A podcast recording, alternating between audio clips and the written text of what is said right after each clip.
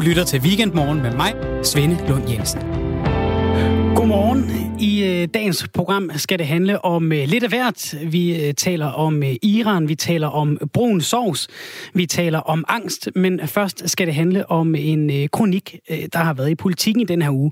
Kære politikken, jeg synes, I skal holde op med at tale fornedrende til kvinder. Sådan lød overskriften på en kronik, som tv-vært Lise Rønne skrev i øh, selv samme politikken i den her uge.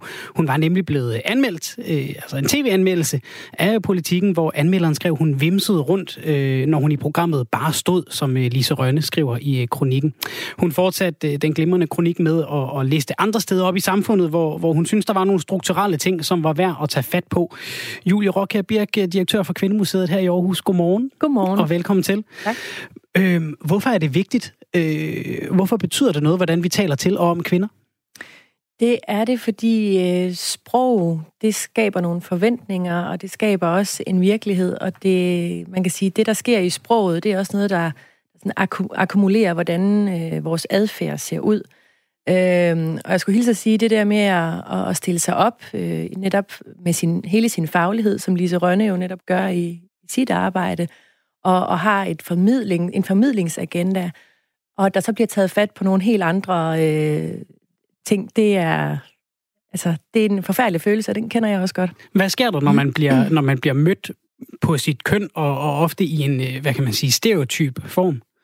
Jamen, fokus flyttes jo øh, fra det, man står og, og gerne vil formidle til ens person og til ens køn. Og det er noget, som især kvinder jo øh, Øh, gennem historien har været vant til. Altså det her med at have sit køn på slæb. Øh, jeg tror, mange kvinder kan ikke genkende til, at man på en eller anden måde først og fremmest er kvinde.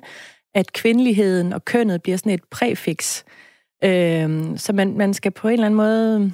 Mm, altså man, det er det, der kommer først. Ikke? Man er en, en, en kvindelig kunstner, en kvindelig trommeslager, Øh, en mand, han er bare sådan lidt default menneske, kan man sige. Og vi har, øh, vi har talt om emnet i programmet her før. Øh, sangeren Killjay var også i politikken blevet bedømt på øh, sit køn frem for sine evner i, i forbindelse med et stykke, hun havde opsat med en mand, som blev bedømt på sine evner i, i, den, øh, i den artikel, der mm. var i øh, politikken.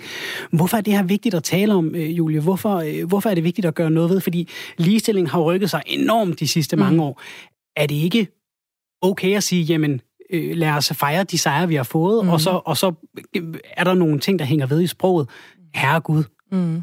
Jo, jo, men den der herre Gud, altså øh, ja, vi har formel ligestilling, og vi er noget rigtig langt. Det er slet ikke for at forklejne det. Men, men jeg tror, at vi skal være gode til at lytte til stemmer, der siger ting, og så fint i øvrigt, som Lise Rønne øh, har skrevet det. Altså øh, den der... Øh, øh, Øh, det der modsvar, der hedder, åh nej, er I ikke lidt krænkelsesparate, og så videre, og så videre. Jeg synes simpelthen, det er sådan en, øh, altså så bliver al diskussion lukket ned, al lytning bliver lukket ned, og det er simpelthen ikke okay. Altså vi har, øh, vi har en masse forskning, der viser, hvordan øh, adfærd hos især unge mennesker stadigvæk er enormt uligestillet, altså synet på for eksempel unge, unge kvinder og unge, unge mænds seksualliv er øh, enormt gammeldags i dag, faktisk. Ikke? Altså kvinder, unge kvinder bliver vurderet som billige, hvis de har meget sex, og, og drenge som nogle fandens kale. Ikke? Og omvendt, hvis drengene ikke har ret meget sex, jamen er de så ikke maskuline nok? Ikke? Altså der er, der er en masse steder, hvor vi sådan bliver ved med at reproducere nogle meget gamle forestillinger. Jamen, hvad er det historiske perspektiv i det her? Mm. Altså, er, det, er, det, er, det, er det nogle ting, vi tager med fra, fra tidligere generationer, eller, ja. eller, eller og hvor, hvor kommer det ligesom fra, det her? Ja, altså det er jo, vi har jo alle sammen sådan en, en kæmpe kulturarv på vores skuldre, og vi er ikke engang bevidste om den. Øh, og, og det er jo det, som, som jeg på Kvindemuseet gerne vil sætte lys på, det er netop at gøre, gøre bevidst... Øh, øh, at vise de her ubevidste biases. Man kan sige helt tilbage fra dengang kvinder kæmpede for deres stemmeret, der var responsen fra de mænd, der sad inde i rigsdagen, det var, ej, men alt sådan noget med politik og demokrati, det skulle kvinder ikke øh, bruge deres, eller belaste deres små kønne hjerner med. Og, og der hæfter jeg mig jo ved, ved ordet kønne. Ikke? Man kan godt lidt sidestille det med det der med at vimse rundt, ikke? eller hvad der ellers kan blive sagt øh, i dag. Og det er det her med, at, at man er altid gået meget op i kvinders udseende, fordi det har jo historisk været kvinders karrierevej. Ikke? Altså, hvad kunne en kvinde for 100 år siden? Hun kunne blive husholderske, hun kunne blive gift godt. Altså, det var egentlig en karrierevej, bare det at blive gift og blive husmor. Ikke? Og der, der handlede det rigtig meget om at være attraktiv, og det hænger altså ved. Men vi er altså et helt andet sted i dag. Hvad skal der til for at gøre noget ved det her?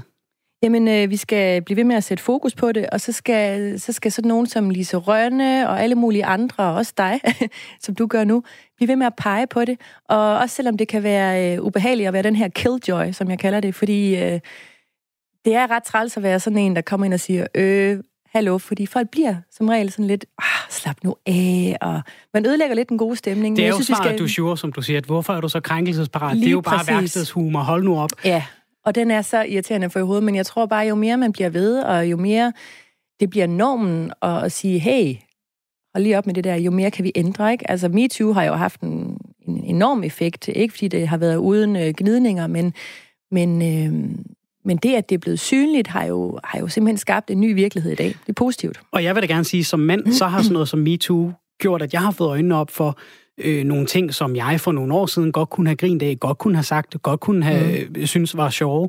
Og så ser man nogle af de historier, kvinder kommer frem og fortæller. Ja. Øh, og så tænker jeg, hold da op, mm. der, der har jeg lige behov for at kigge ind af og, og, og, og sige, jamen, der er nogle ting, jeg ikke mm. kan sige længere, eller har lyst til at sige længere. Der er nogle ting, jeg ikke kan tolerere i en samtale mm. mellem mænd længere, altså mm. som sådan noget øh, drengesnak. Mm. mm. Øh, det hjælper også, at jeg har fået en datter for et halvt år siden. Altså, der mm. sker nogle ting, og det er jo enormt hyggeligt at sige, at der skal øh, et barn til øh, af, af mit eget Nej, det forstår jeg godt. Du er blevet bevidst, altså.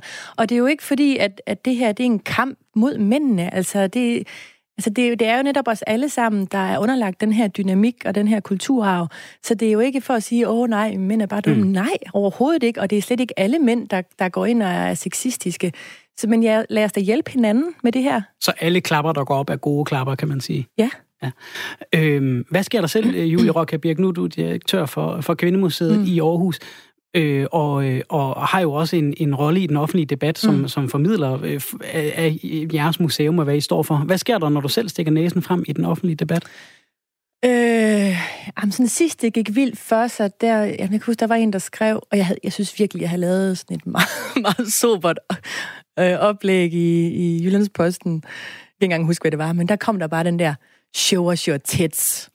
øh, så nogen får jeg, og så får jeg også netop de der åh, slap nu af, og hvor er du krænkelsesparat, og er der ikke større problemer i verden, osv. osv.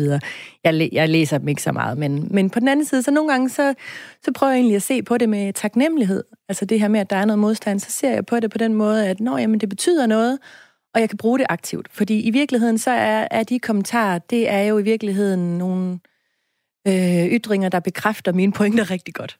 Ja. Du bliver lige øh, stående, Julie, fordi nu har vi uh, Mette Marie Yde med fra uh, Københavns studiet. Du er vicedirektør i Danner. Godmorgen, Mette Marie. Godmorgen. Danner uh, har lidt flere uh, forskellige roller i, i samfundet. I har jeres videnscenter, der arbejder for at stoppe vold i, i nære relationer. Så har I jeres uh, krisecenter, som hjælper kvinder og børn, hvis de har været udsat for, for vold i nære relationer. Uh, og så har I også et, et rådgivningsben i jeres organisation. Hvad har vold mod kvinder at gøre med måden, vi taler til og om kvinder på?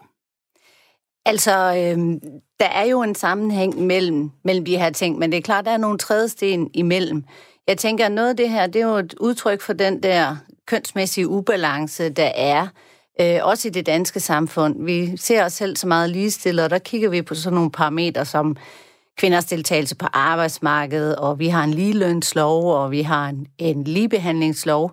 Men hvis man ser på, hvordan magten er fordelt, særligt hvis man ser på øh, politisk deltagelse, eller hvis man ser på kvinder i ledelse, så er der jo en enorm stor øh, øh, skævhed mellem kønnene i forhold til, hvordan vi har fordelt magten i vores samfund. Så det er ikke bare et spørgsmål om, øh, om øh, sprogvaner, når vi taler om, øh, om Lise Rønne her, der er blevet bedømt på sit øh, køn, eller mødt på sit køn af en anmelder i politikken. Det, det er meget større ting, der er i spil.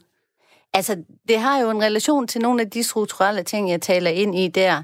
Så når man taler sådan til og om kvinder, så er det jo noget, der er egnet til at få os kvinder til at føle os lidt små, til at underkende vores faglighed, eller hvad det måtte være, øh, man går efter her. Fordi det, der jo sker øh, helt konkret i den der, det er, at man jo knytter køn på hendes øh, faglighed ved at kalde hende vært inde. Fordi øh, jeg så også en opgørelse over, at man bruger også ordet vimse om mænd. Men det er jo den der sammenkædning af ord, der gør, at man tillægger det, at hun er kvinde, de her øh, værdier, som vi jo ikke øh, i tale sætter som noget, der er øh, seriøst og, øh, og fagligt. Og det er jo det, øh, noget, altså det der er jo masser af undersøgelser, hvor, hvor, hvor der er blevet kigget ned i litteraturen og, og kigget på, hvordan bliver kvinder beskrevet, og det er ofte øh, med den type beskrivelser, altså med, med, der går på udseende, eller, eller, eller bliver drejet i en negativ øh, seksuel retning, når, når man sådan kigger på nogle af de opgørelser, der er gjort. Mette Marie Yde, er det ikke okay og synes, at, at det her det er okay. Pia Kærsgaard har skrevet en, en øh, kronik som svar til, øh, til Lise Rønnes kronik, hvor hun blandt andet skriver, at vi kvinder skal øh, gå hverken MeToo amok eller gå offervejen. Vi kan levere, det gør Lise Rønne, så pyt med en kæk anmelder, der mener for meget og nok ved for lidt. Øh, meget høje stiletter, det er en reference til Nina Munk Perrengen TV-avis vært, som blev bedømt på sine stiletter i en, øh, en tv-anmeldelse. Meget høje stiletter på en studievært er med til at fjerne fokus fra det, verden siger og gør. Sådan er det. Øh, øh, øh, og så er det altså heller ikke værre, slutter hun ligesom af, øh, Pia Kærsgaard, og, og, og pointerer også det her med, at vi godt ved, øh, som mennesker og kvinder, at nedringet bølgegang i barmen, lårkort og høje stiletter giver opmærksom på netop de ting. Øh, er det ikke okay at sige, det her det er okay? Altså, hvis man øh, anskuer det fra sådan et meget individuelt perspektiv, så kan man sige, at Pia Kærsgaard sidder jo også i en meget magtfuld position, så hun føler ikke individuelt, øh, måske, at, øh, at hun ikke har adgang til, til det her magtrum, som der så for eksempel er i det politiske. Så hvis man anskuer alle tingene ud fra et individuelt perspektiv, altså jeg tror også, jeg som person vil jeg ikke sådan øh, føle mig krænket eller, øh, øh, eller tage det ind på den måde. Men hvis man anskuer det lidt mere strukturelt og siger, hvad er det et udtryk for på en bredere palette, så synes jeg, det er vigtigt, at man siger fra over for nogle af de her ting, og vi begynder at få en samtale om, hvordan kan vi få mere ligeværd og lighed øh, mellem kønnene, øh, øh, og øh, hvordan kan det, øh, hvad kan man sige, hvordan kan vi også nu i det her tilfælde bruge sproget til at understøtte, at vi gerne vil have et ligeværdigt samfund. Julie Rokka Birk, direktør for Kvindemuseet i Aarhus. Du står her stadig. Du ja. har øh, skrevet noget ned på dit papir foran dig. Jamen, jeg, jeg vil bare tabe ind i det, du siger her, fordi altså, ja, sprog betyder noget, og jeg, jeg tænker også, at det handler om øh, at være fælles om, om ansvaret for udvikling, og det her med at lægge fokus på netop udseende, det, det tænker jeg også er en del af en større kultur. Man snakker også om... Øh, øh, den her såkaldte voldtægtskultur. Ikke? Og nu, nu kan man godt sige, at der er langt fra at sige vimse til at sige voldtægt. Men det her fokus på, på udseendet er altså vigtigt. Det, der typisk sker øh, i reaktionerne på øh, voldtægtssager eller, eller, eller hele debat, debatten om voldtægt, det er, at der kommer altid en masse øh, fnider eller modargumenter ind, der handler om, jamen, hvad havde du på? Mm. Hvor, øh, hvor, hvor gik du hen i byen? Var det mørkt? Altså tog du ikke dine forholdsregler? Det vil sige, at ansvaret det lægges over på kvinden, og jeg har selv oplevet det på egen krop, øh, det her med at blive, blive bedømt på ens udseende, og det er enormt ubehageligt. Og, med, og jeg kan, altså, da jeg studerede, der, der oplevede jeg at blive kaldt hende der den kønne på første række af en, en mandlig underviser. Ikke? Øh, og det, der skete dengang, fordi jeg ikke var bevidst, og fordi andre ikke stod og pegede på det, det var, så vendte jeg det indad. Øh, og jeg tænkte ikke over, at det var unormalt. Jeg tænkte, om det er jo bare sådan, det er. Og, og det er det, ikke godt nok i dag, altså. Vi må, vi må være lidt længere end det, ikke? Og det er jo et relevant eksempel. Netop i den her uge har der været en sag på Københavns Universitet på, på Jura, hvor en, en, en underviser øh, i, i mange år øh, for at understrege eksempler ud mm-hmm. i jura, har brugt øh, seksuelle eksempler, altså mm. på, på ejendomsret og alle mulige andre ting, hvor der så endelig, øh, kan man mm. sige, var der, var der en kvindelig studerende, som sagde, hov, hov, mm. det krænker mig, øh, og han er så blevet bedt om at, at mm. lade være med det. Øh, Mette Marie, Men det har ikke været sjovt at være hende. Nej, vil jeg det bare lige sige, det er rigtig hårdt at, at, at stå frem, og det, og det er der ikke ret mange, der gør, fordi det er svært og fyldt med skam. Og det er jo det, der, der, der nogle gange, altså, nu har vi talt rigtig meget om det her de senere år, og det er jo, det er jo på en eller anden måde det, der det er også derfor, jeg gerne vil tale om det her, fordi jeg, jeg mm. på en eller anden måde stadig bliver overrasket over, at de her ting er så, er så, så fremkommende stadigvæk. Mette Marie Yde, hvordan med, hvordan med, nu har I jo meget med, med, med kvinder og vold at gøre. Hvilken rolle spiller sproget i, i de relationer? Det er klart, at øh, alle de kvinder, vi får ind på både Dansk Krisecenter, men også i vores ambulante rådgivningstilbud, de har været udsat for psykisk vold, som jo nu heldigvis er blevet kriminaliseret øh, her i 2019.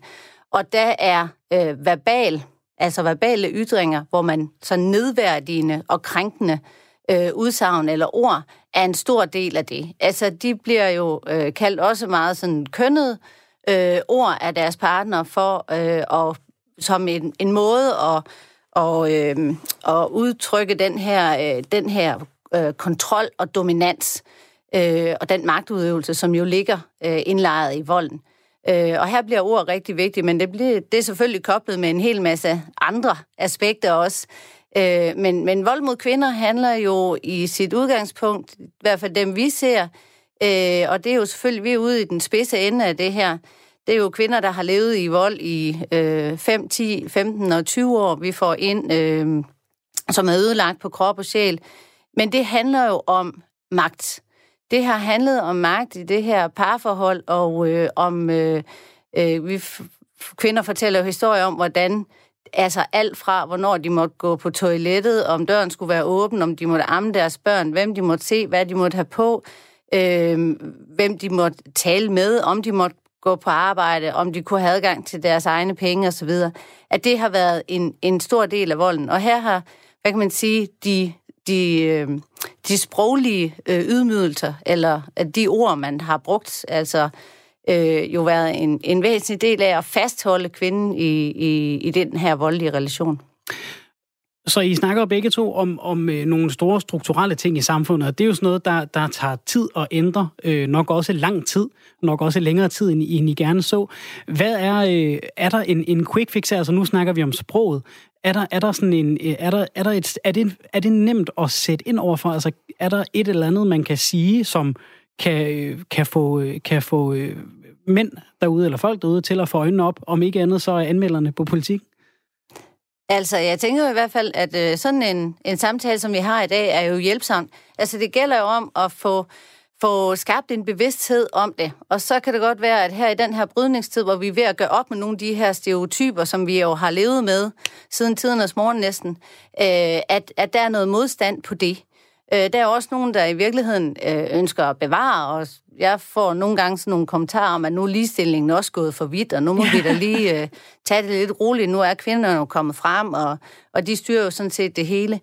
Øh, men der må jeg så bare referere tilbage til den her magtanalyse, som både er blevet lavet af de her unge forskere flere år i træk, men også hvis man ser på Institut for Menneskerettigheder, øh, de lavede en rapport om ligestilling, hvor det er ret tydeligt, hvor det er, at, at kvinder er klart underrepræsenteret, og det er jo i magtfulde positioner. Øh, men men øh, vi skal jo have en samtale om det, og det handler jo både om, det handler jo både om en, en stereotyp opfattelse af kvindekønnet, men også af mandekønnet. Altså, hvad vil det sige at være en rigtig mand? Det er jo også nogle ord, vi bruger. Øhm, øh, og, øh, og jeg tænker, det, er lidt, det kan også være lidt snævre rammer, de der mænd har mm. øh, at operere indenfor. Mm. Fordi øh, der er også nogle helt klare forventninger til, hvad en mand kan og gør og vil. Og det er klart, at nogle af de redskaber, vi har at dreje på, øh, som jo en af de, de helt store, det er jo, at, øh, at der er flere mænd, der tager noget barsel og bruger tid sammen med deres børn, mens de er helt små. Det kan være med til både at løfte kvinder. Vi ved, at, at øh, fra kvinden tager, det, det er Rockwoodfonden, mener jeg, der har lavet en rapport, som viser, at når kvinder går på den første barsel, så falder deres livsløn med 20 procent i forhold til en, en mand med en tilsvarende uddannelse. Så, så allerede der begynder der jo at ske et, øh, en, en spredning i, hvor man ender hen i livet. Øh, og sådan er der flere parametre, hvor, hvor, hvor barsel til far kan være en kæmpe stor løftestang ind i noget af det her. Øhm, og så er det jo selvfølgelig også, for eksempel på det politiske, at de politiske partier begynder at kigge lidt på, hvordan laver de deres opstillingslister. Altså, øh, man kan se allerede helt fra bunden af fødekæden i det politiske system for ungdomspartierne, at de unge kvinder, de ligesom vælger fra. Der handler også om noget, hvad er det for en kultur, man har i de her ungdomsorganisationer, men når man så når op på for eksempel kommunalpolitisk niveau, så er, begyndt, så er repræsentationen helt græld, og vi, øh, vi er vældig tilfredse med, at vi har nu 39 procent øh, af kvinder i Folketinget. Øh, det burde jo være 50. Så der er, også, der er også noget der, og så er der selvfølgelig ude, både de offentlige og, øh, og de private virksomheder, når man sidder på, ser på de øverste ledelsesniveauer, og faktisk også i min egen branche, NGO-branchen, som er enormt øh, øh, kvindedomineret. Men når du ser på de øverste poster, øh, også i offentlig ledelse, privat ledelse, så er der en enorm øh, kønsmæssig ubalance. Så der er jo flere øh, greb, man kan tage, Øhm, og det kan der være forskellige modeller i, hvordan man gør. Mette Marie Yde, vicedirektør i Dan, og tusind tak. Julie Rockher Birk, en øh, sidste afrunding for dig? Ja, jeg mener også, det er oplysning, fælles lytning og samtale. Det her det er ikke en kvindesag, fordi ligestilling er for alle. Tusind tak, Julie Rockher Birk, direktør ved Kvindemuseet i Aarhus, og øh, til dig, Mette Marie Yde, vicedirektør i øh, Danner. Det næste, vi skal, det er en, øh, en lille telefon ud i øh, verden. Jeg har nemlig øh, tænkt lidt over, hvordan fejrer man egentlig jul, øh, når man er langt væk fra Danmark og øh, prøver at gøre en forskel ude i øh, verden. Godmorgen, øh, Frederik Nielsen. Godmorgen. Du er i Sierra Leone lige nu, hvor du er HR Finance Manager på et projekt for Læger Uden Grænser, eller MSF, som I hedder internationalt. Hvordan er din udsigt lige nu? Hvordan ser det ud, hvor du er? Jamen, øhm, lige nu der sidder jeg på taget, øh, ja, på taget, det er en terrasse, vi har på taget af vores hus, og kigger ud på øh, landsbyen. Der er ret stille lige nu. Det er, vi er lige en time bagud i forhold til, hvad jeg er derhjemme. Øhm, men ellers så kan jeg se på, der er nogle bjergetopper, der er palmer, der er nogle geder, der går rundt på vejen, og der er lige, jeg kan se, der er en lille pige, der er ude nu. Men ellers er det meget stille. Men øhm, det, ja. det er sådan, Ja, det er sådan helt, øh, hvad hedder sådan noget, en, øh, en helt, en, det er en jordvej, som helt som en afrikansk jordvej. Så øh, ja. Nu skriver vi den øh, 21. December, og, øh, og julestemning er øh, så småt, hvis ikke så stort ved at brede sig herhjemme. Hvordan går det med julestemningen i Sierra Leone? Ja, jeg vil sige, fra min side, så er der ikke helt så meget. Altså, sådan, julen hænger også lidt sammen med, øh, at der er lidt mørkt derhjemme, og vi er inde hernede, og der har været 36 grader om dagen og sol. Så jeg siger sådan, der er ikke så julet. Men øhm, vi, vi har da nogle idéer om, hvordan vi skal fejre det hernede. Ja, du skal fejre øh, jul med nogle af dine kolleger fra andre europæiske lande. Hvad er det, du skal have med til juleaften øh, af, af maden?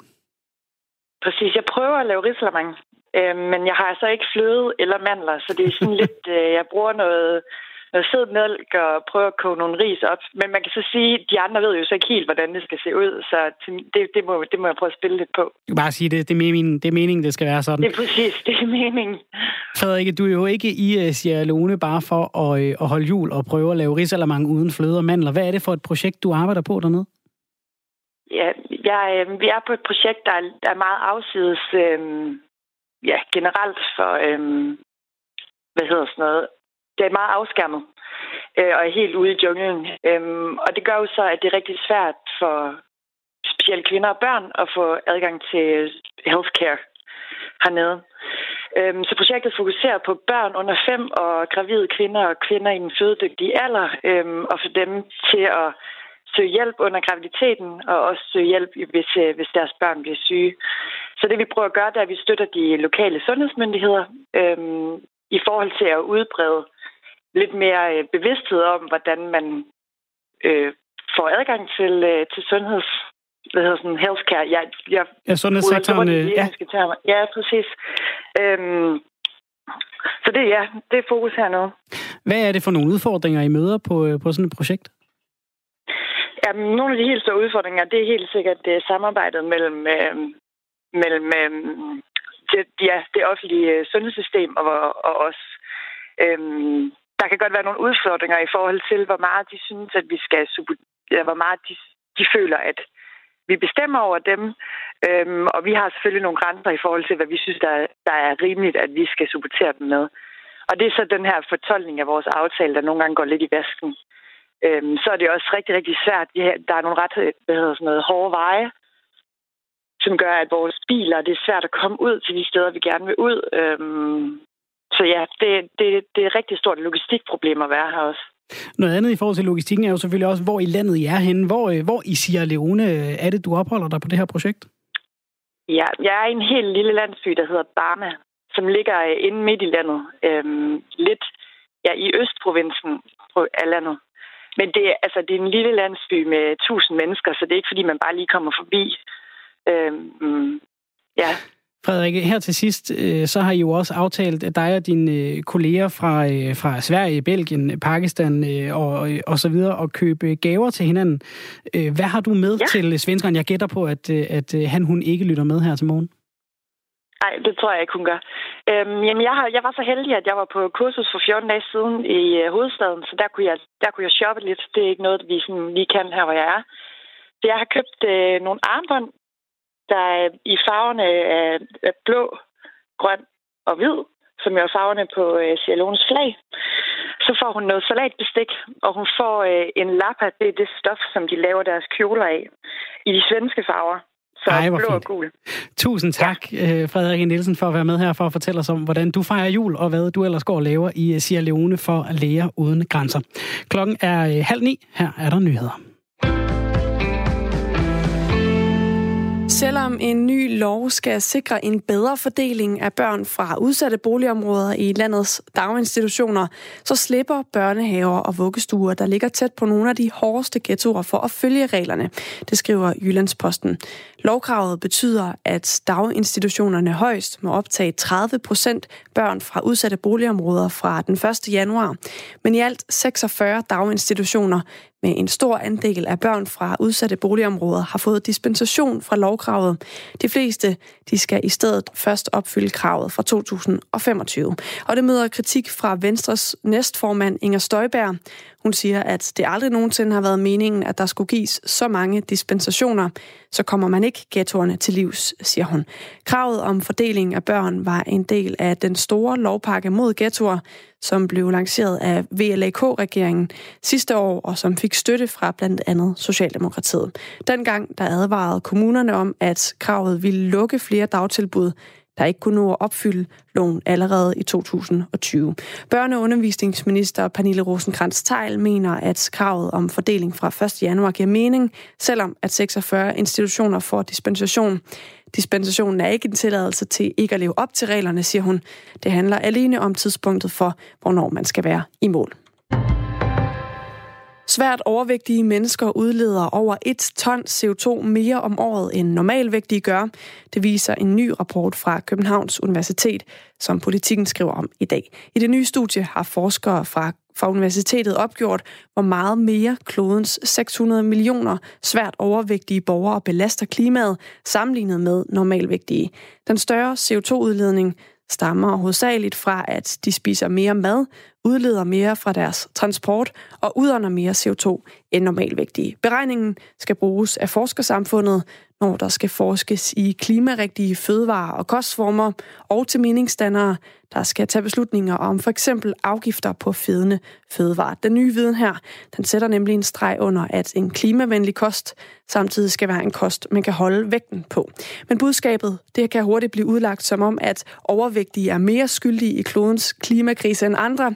Et budskab, der ifølge Landsforeningen for Overvægtige er det værst tænkelige. Min umiddelbare reaktion er, åh nej, nu skal vi også have det stempel på, udover alle de andre stempler, siger formanden for foreningen Per Nielsen til politikken. Vi er vant til at få stemplerne, vi er viljesvage, dogne, spiser for meget og ikke kan få et job. Nu er vi også medskyldige i klimakrisen, siger han. Og det er nogle af de samme overvejelser, som institutleder Arne Astrup og Københavns Universitet har gjort sig op til publiceringen.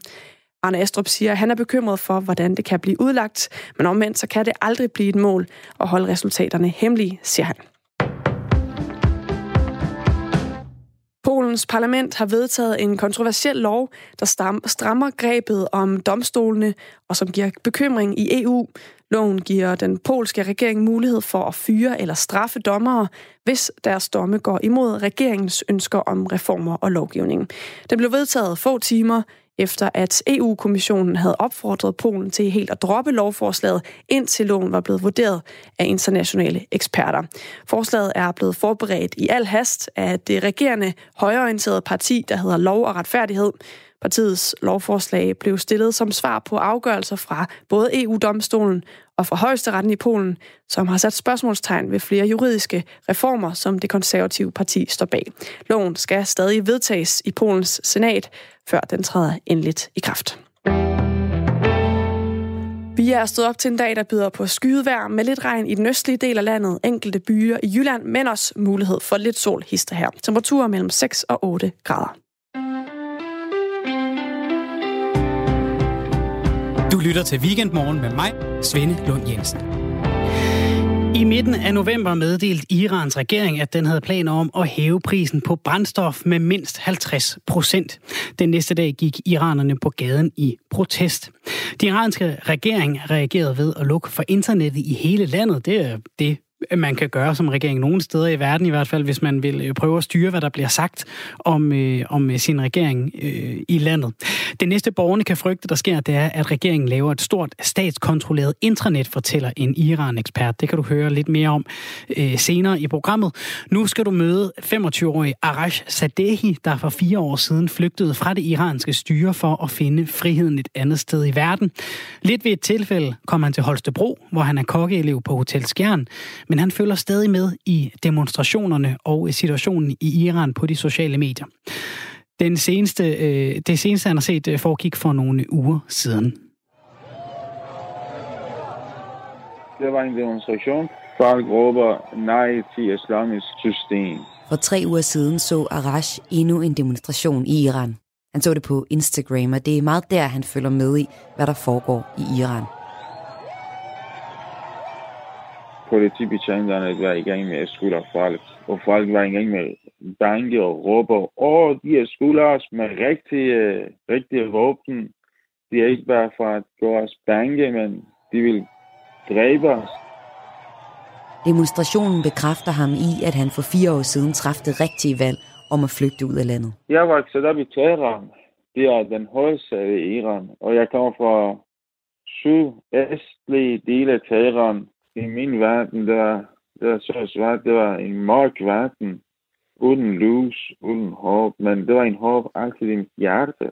Arash indså, at han ikke kunne leve i Iran, efter at han var vokset op i landet. Jeg sagde, okay, jeg må hellere rejse ud. Han tror ikke på, at situationen i Iran bliver bedre lige om lidt. Situationen i Iran, det var bare en diktatorisk situation, så man kan ikke bestemme over sit liv. Man kan ikke bestemme, hvad vil gerne man have på.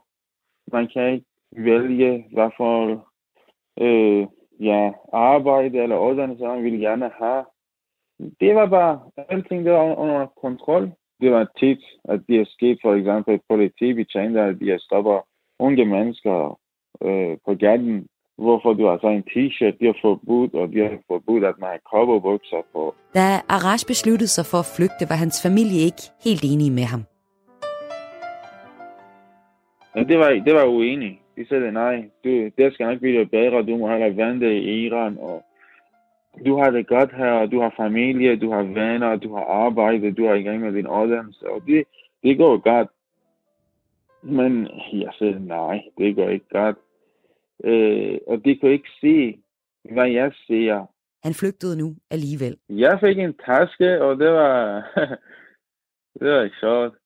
Jeg var i byen og gik til de butikker, som jeg plejer, købe tøj og sko. Og det var i efterårsvejr, jeg flygtede fra Iran. Arash tilbragte 14 dage i en gummibåd på Middelhavet, før han kom på land. På bådturen oplevede han helt umenneskelige forhold helt tæt på.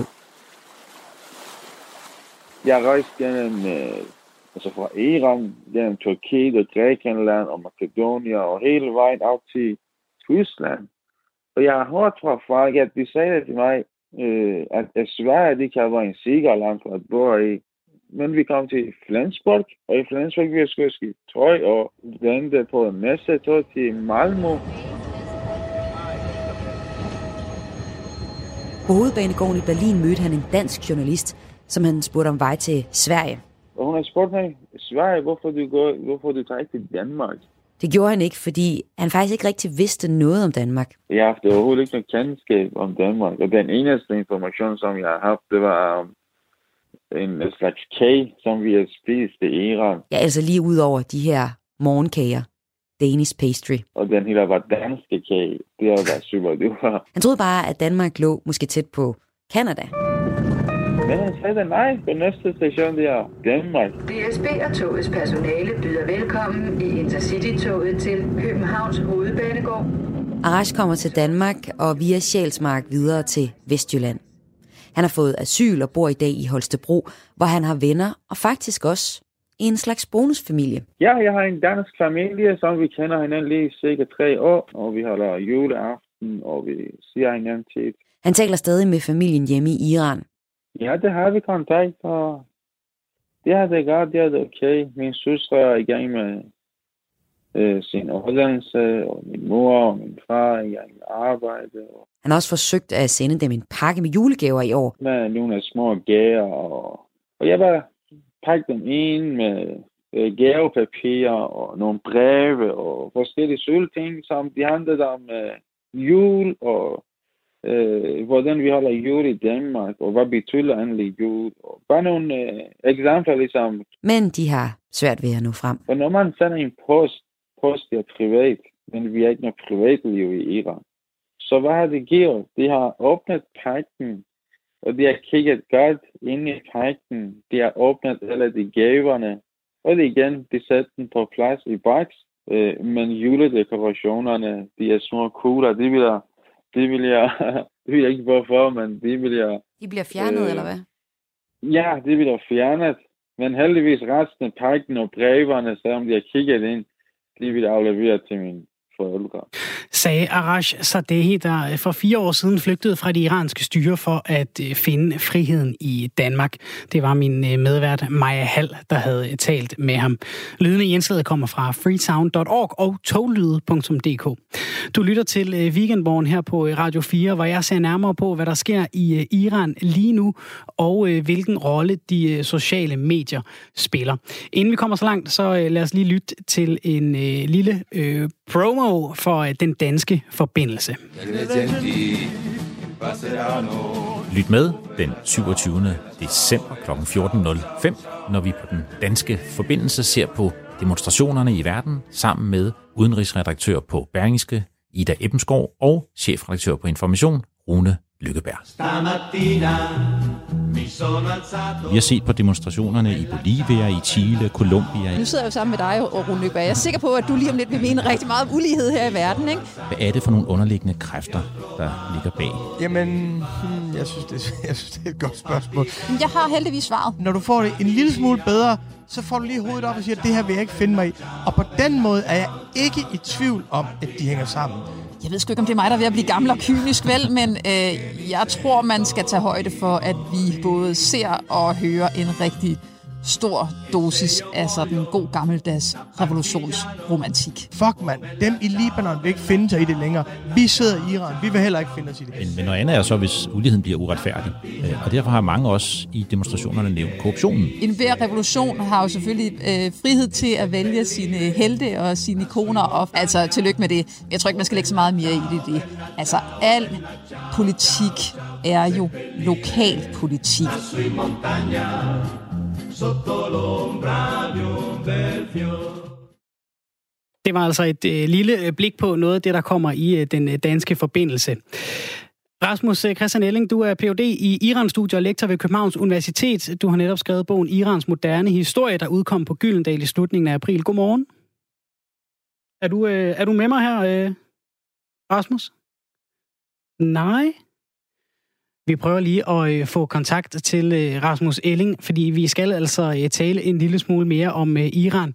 Inden vi gør det, så lytter vi lige lidt til Sara Omar. Hun er forfatter og er vokset op under Iran-Irak-krigen, og hun følger udviklingen tæt i Mellemøsten på sociale medier. De er af systemet, de er trætte af religion, de er af kulturen, de er af den måde, de bliver hønset rundt med. De er af hele det der system, patriarkalske system og strukturer, der fortæller dem, hvordan de skal gå klædt, hvordan de skal læse en bog, øh, hvem de må snakke med, hvem de ikke må snakke med. Hele den kontrol, der er i det.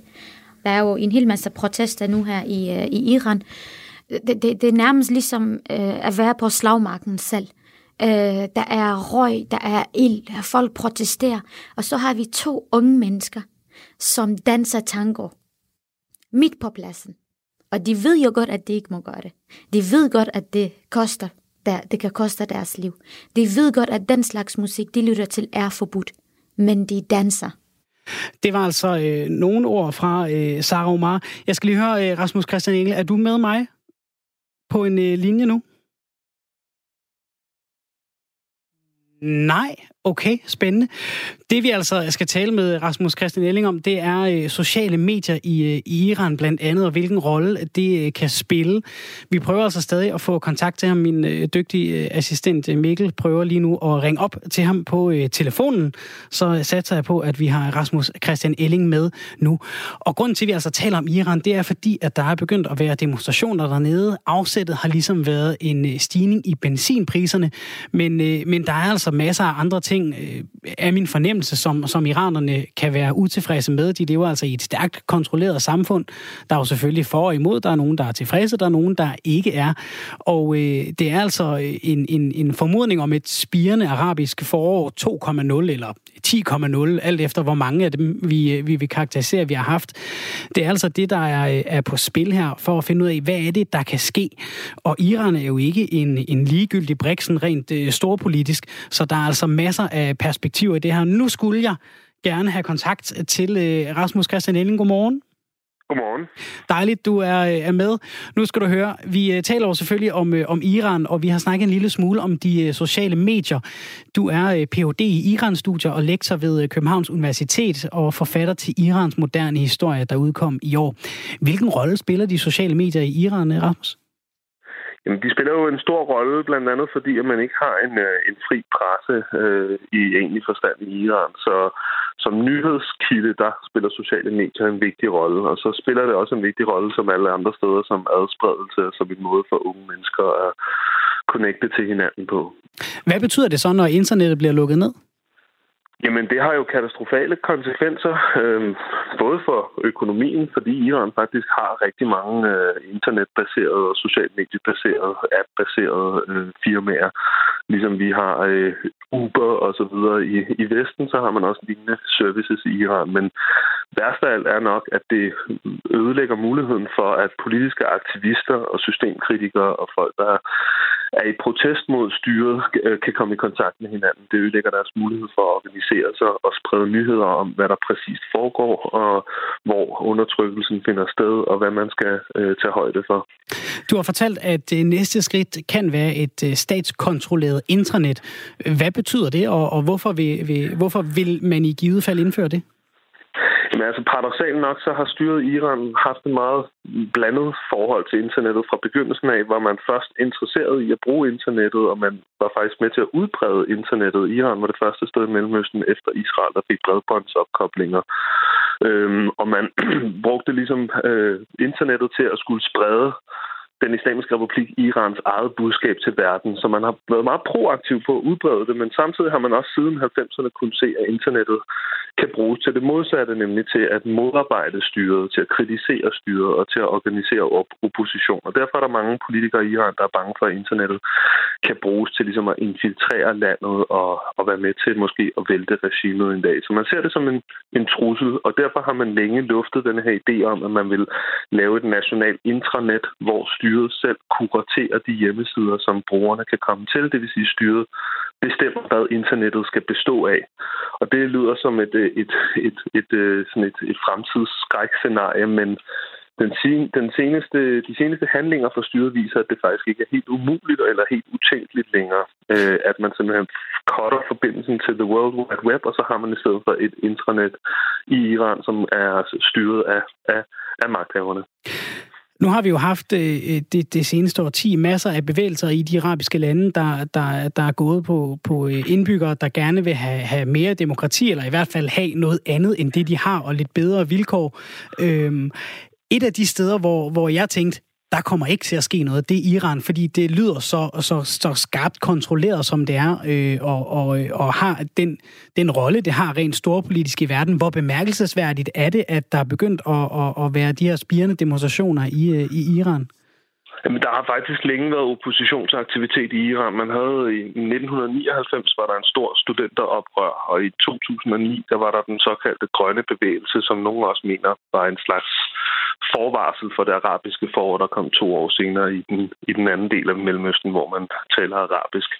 Så der har længe været oppositionsaktivitet, politisk aktivitet, systemkritikere, menneskerettighedsforkæmper, kvindeaktivister, arbejderaktivister, fagforeningsaktivister, som har protesteret både på lille små, småskala og på stor skala igennem årene. Men det, der er anderledes ved protesterne denne her gang og protesterne i december 2017 til januar 2018, det er, at der ikke længere er et politisk lederskab. Der er ikke en organisation bag. Og der minder optøjerne i Iran, oprøret, eller optøjerne alt efter, hvordan man ser på det, ret meget om det, vi ser andre steder i Mellemøsten, nemlig de her lederløse bevægelser. Det er folkebevægelser, som har en general øh, mistillid til deres politiske ledere og et ønske om at vælte deres politiske ledere, men ikke har et specifikt, sådan, de har ikke en specifik ideologi eller et specifikt krav ud over det.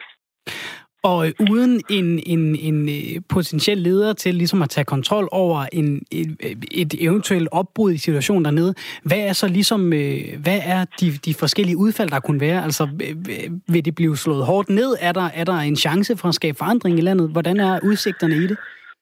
Altså tidligere har det været sådan, at når der har været store folkelige protestbevægelser, så har styret først sagt, øh, øh ja, vi lytter til jer, og så har de sidenhen øh, slået ned på, på, på dem, der demonstrerede. Men har måske også forsøgt at imødekomme lidt af deres krav, i hvert fald på overfladen. Men denne her gang, der adskiller styrets reaktion så kraftigt fra, hvad vi har set tidligere. Styret slog hårdt ned på protesterne lige fra starten af, da de brød ud her i november, og øh, signalerede ligesom, at man slet ikke ville acceptere de her demonstrationer og protester.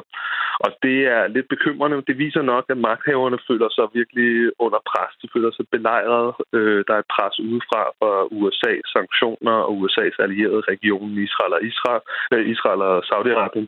Og så er der et pres indenfra for den her her unge, bevæ- unge generation, som står med arbejdsløshed og en stor frustration over, at de ikke har nogen øh, politisk medbestemmelse i landet. Så magthaverne, de er, de er bange, og derfor reagerer de også voldsomt. Voldsommere, end de har gjort før. Har de overspillet deres hånd styret med de her øh, benzinpriser, de har hævet? Måske, men på den anden side, så var det også uundgåeligt. Altså, magthaverne har længe sagt, at det her, de blev nødt til at skære på øh, de statslige subsidier til benzinerne, fordi det simpelthen dræner statsbudgettet, og man har brug for de penge andre steder. Og det, man så gør øh, fra styrets side, det er, at man laver en form for borgerlønsordning, hvor de penge, man så har sparet på at understøtte benzinen, den overfører man direkte til 17 millioner familier i Iran, som har mest behov for det, det vil sige de fattige familier i Iran. Det er et lille plaster på såret. Øh, vi må se, om det er nok, så at sige, til at stille folk tilfredse, men på lang sigt, så, så skal der nogle løsninger til den iranske økonomi, hvis, øh, hvis de vil blive ved magten. Hvad er vores bedste bud på, hvad der kommer til at ske øh, i, øh, i Iran nu, Rasmus øh, Christian Henning, Ph.D. i, øh, i øh, Iran øh, og Iran-studier og lektor ved Københavns Universitet? Det, altså, det viser sig altid, når vi i Iran forsker, vi prøver at forudse, hvad der sker, så sker der det modsatte. Så jeg vil nødig prøve at komme med nogen, men altså, jeg forestiller mig, at det kan gå to veje. Enten så bliver det, den islamiske republik nødt til at reformere sig og demokratisere sig og inkludere flere folk i, i den politiske proces og ligesom åbne op.